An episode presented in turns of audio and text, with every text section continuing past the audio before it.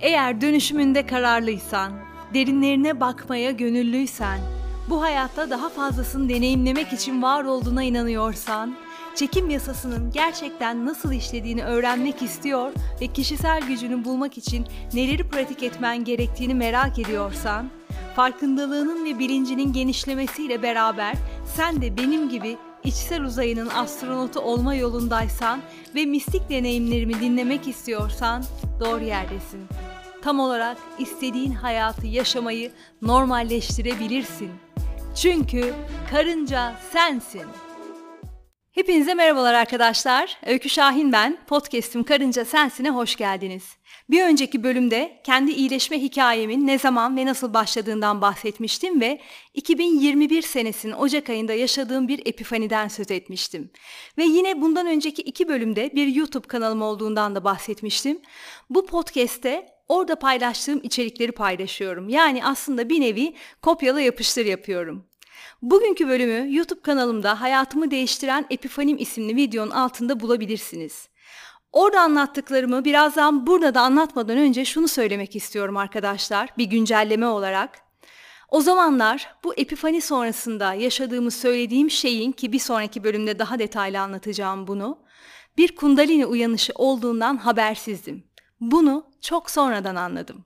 Evet, bunu bir dipnot olarak düştükten sonra gelelim o videoda neler anlattığıma. Evet, öncelikle bilmeyenleriniz için, daha önce hiç duymamış olanlarınız için epifaninin ne demek olduğunu açıklayarak başlamak istiyorum. Epifani, herhangi bir konudaki bir şeyin özünü anlama, anlamını bulma duygusu olarak açıklanıyor. Ve geçen bölümde bahsettiğim gibi bir şeyi bilmek başka, o bilgiyi içselleştirip yaşamak bambaşka bir şey. Ve epifani anları işte bu bilgilerin derin bir kavrayışa dönüştüğü anlar ve ondan sonra insanın hayatı bir daha eskisi gibi olmuyor. Elbette epifanilerin de kendi içinde bir gücü ve şiddeti var ama bunu ancak o anda yaşarken hissedebiliyorsunuz. Yani bazıları diğerlerinden daha güçlü olabiliyor. Neden hayatınız bir daha eskisi gibi olmaz diyorum? Çünkü o anda bir epifani yaşarken o ana kadar görmüş olduklarınızın ötesini görürsünüz. Kendinizi tekrar uykuya yatırmazsanız hayatınızın geri kalanına başka bir bilinç seviyesinden devam edersiniz. Elbette bir üst seviyenize, bir üst bilincinize geçmek için illa bir epifani yaşamak zorunda da değilsiniz. O kısım yanlış anlaşılmasın ama güçlü bir epifani yaşadığınızda sonrasında da eğer buna eylemlerinizle can vermeye, onun ateşini eylemlerinizle harlamaya devam ederseniz ki aksi de aslında pek mümkün değil, oyunu bir üst seviyeden oynamaya başlarsınız. 17 Ocak 2021'de yaşamış olduğum Epifani'yi Instagram'da şu cümlelerle paylaşmıştım. Dün akşam çok kuvvetli bir epifani yaşadım. Epifani'nin ne olduğu ile ilgili daha önce bir paylaşım yapmıştım. Kısaca yine özetlemek isterim. Epifani, hayatın birden değiştiği, dönüştüğü, ha işte bu, evet ya işte bu dedirten anlardır aniden bir şeyin özünü anlama veya anlamını bulma duygusu olarak da açıklanıyor. Son bir haftadır aklıma bazen hafif, bazen de güçlü dalgalar gibi vuran düşüncelerim vardı. Zihnim dalgalanıyordu. Doğurmak gibiydi aynen. Dün gece doğurdum sanki. Sanki okyanus bir anda sakinleşti. Taşlar yerli yerine oturdu. Yapbozun son parçasını da taktım.'' hem dünyanın en durgun hem de en coşkulu anı gibiydi. Ne olduğunu anlatacağım bir zaman gelecek biliyorum. Şu anda beni anlayacağına inandığım tek insan Eren, onu anlattım. Bundan sonra hiçbir şey eskisi gibi olmayacak diye yineledim birkaç kez. Bu anın güzelliğini unutmamak için buraya yazıyorum. Kendime unutturmamak ve hatta daha da büyütüp parlatmak için her gün pratik yapacak içsel gücüm var. Biliyorum. Ben kendime bu kadar inandığımı gördüm ya bu sırada. Belki gerisi o kadar da önemli değildir. Kendimize izin vermek son yılların artık içi boşalmaya başlamış moda cümlelerinden biliyorsunuz. İzin vermek nedir peki aslında biliyor musunuz? İzin vermek bilmek duygusudur. Ve bir şeyi bilmek aslında yapmaktır. Yapmak, kavrayışı bilgeliğe taşır. Evet, işte bunları yazmıştım.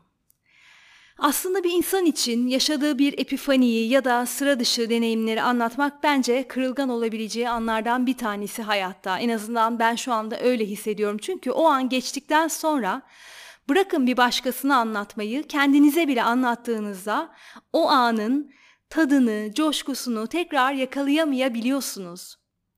Kaldı ki bir başkasına anlattığınızda e ne var ki bunda ifadesi ile karşılaşabilirsiniz ama olsun ben bu riski alıyorum ve anlatmaya devam ediyorum. Bu epifaniyi yaşamadan yaklaşık bir hafta önce elime kitaplığımda senelerdir duran ve daha önce de birkaç kez okumuş olduğum Nilgün'ün Çekim Yasası isimli kitabını almıştım.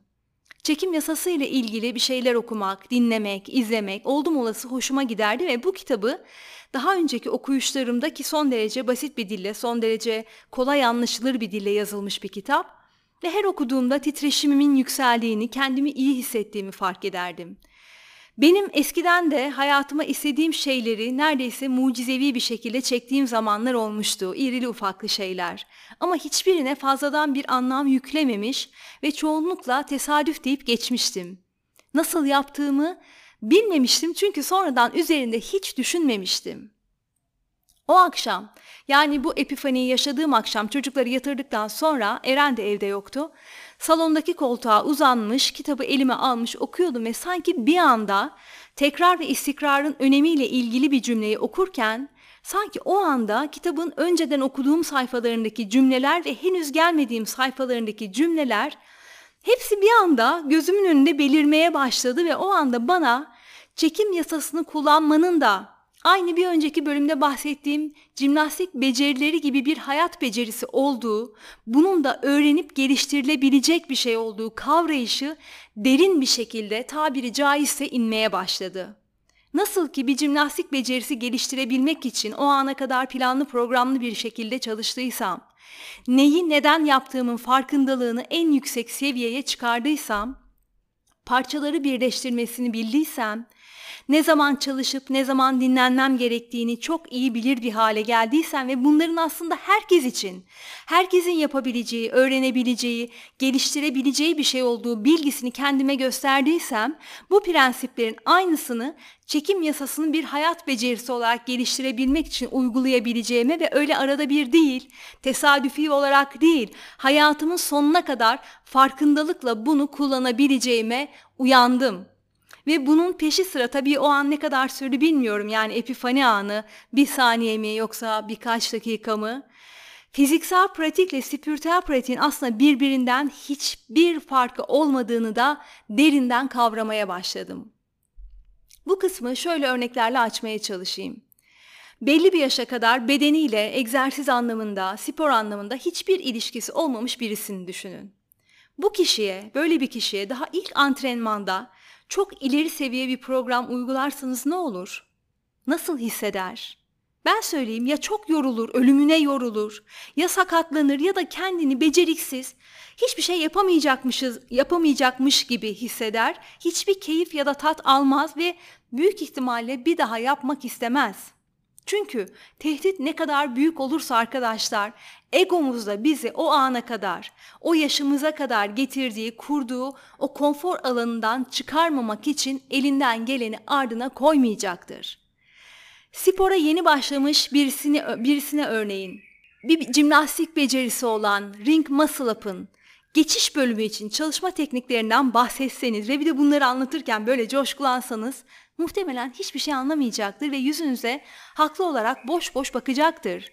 İşte tam olarak bunların aynısı spiritüel pratikler için de geçerli. Çünkü bazen okuduğumuzda bizde hiçbir şey uyandırmayan, bize çok uzak gelen, hiçbir şey anlamadığımız konular oluyor ve bu hepimiz için geçerli ama işte çoğunlukla bu okuduklarımızın anlamsız olduğundan değil, bizim henüz o seviyede olmayışımızdan kaynaklanıyor. Benim artık anlatmayı düşündüğüm, deneyimlediğim bu spiritüel süreci birisi bana bir sene önce anlatmış olsa muhtemelen dediklerinden hiçbir şey anlamaz ve ben de onun yüzüne boş boş bakardım. Ben titreşim ve frekans gibi kelimeleri bile kullanmaktan imtina eden çünkü bunları kullanmayı tuhaf bulan ve kullananlardan da haz etmeyen birisiydim. Yine fiziksel pratikten örnek vereceğim. Biliyoruz ki her birimizin bedeni farklı ve yaşımızdan ya da yaptığımız spordan bağımsız olarak bazılarımızın daha katı vücudu, bazılarımızın daha esnek. Bazı bedenler yapılanlara daha kısa sürede cevap veriyor, bazıları daha geç cevap veriyor. Aynı şey spiritüel pratik için de geçerli. Çünkü her birimizin ruhu, her birimizin ruhunun ihtiyaç ve istekleri farklı. Fiziksel pratikte nasıl ki bazılarının bir hareketi çabasızca yaptığını görüyorsak elbette doğuştan getirdiğimiz yatkınlığı kastediyorum çabasızlıkla. Örneğin bazıları kolayca geriye bükülebiliyorsa omurgası daha esnekse ama bazılarımızın da onun için çok daha fazla mesai ayırması, çok daha fazla çalışması gerekiyorsa aynı şey spiritüel pratik için de geçerli. Çünkü bazılarımızın ruhumuza yatkınlığı ve yakınlığı doğuştan geliyor olabilir. Bir diğerinin de onun için birazcık daha fazla çalışması gerekebilir. Örnekler çoğaltılabilir elbette. Ben yeri geldikçe, aklıma geldikçe vermeye devam edeceğim. Tekrar epifani anına döneyim. Çekim yasasını, kendi kişisel gücümü, hayatla hizalanma becerimi, kendi hayatımın kurbanı değil tam tersine yaratıcısı olduğum fikrini belirli bir enerjiyle her gün sebat ederek geliştirebileceğimi ve sayısız tekrardan sonra bir noktada bunda ustalaşabileceğimi anlamak, titreşimimi yüksek tutabilmek için her gün, her an bir seçimim olduğunun sorumluluğunu almak, koşullanmış zihnimin, programlanmalarımın, korkularımın ötesine adım atabilmek için öncelikle şimdiki ana uyanmam gerektiğini derinden kavrayışımdı. Yaşadığım epifaninin özeti buydu arkadaşlar. Çok geçmeden Eren geldi. Ağlayarak anlattım ona yaşadıklarımı ve bundan sonra hiçbir şey eskisi gibi olmayacak diye sayıkladım birkaç kez arka arkaya. Nitekim olmadı da. Ama o epifaninin artçıları neler oldu? Bunu yine fiziksel pratiğe benzeteceğim. Evet yoğun bir antrenman yapmışım gibi düşünün o epifani anını ama elbette etkileri sonradan çıktı. Sonrasındaki iki buçuk ay benim hayatımda yaşadığım en değişik süreç oldu ve Temmuz ayında, Temmuz 2021'de tekrar çok güçlü bir epifani yaşadım. Bunu ve daha fazlasını önümüzdeki günlerde anlatacağım. Çok teşekkür ediyorum dinlediğiniz için. Bir sonraki bölümde ya da başka bir bölümde buluşmak üzere.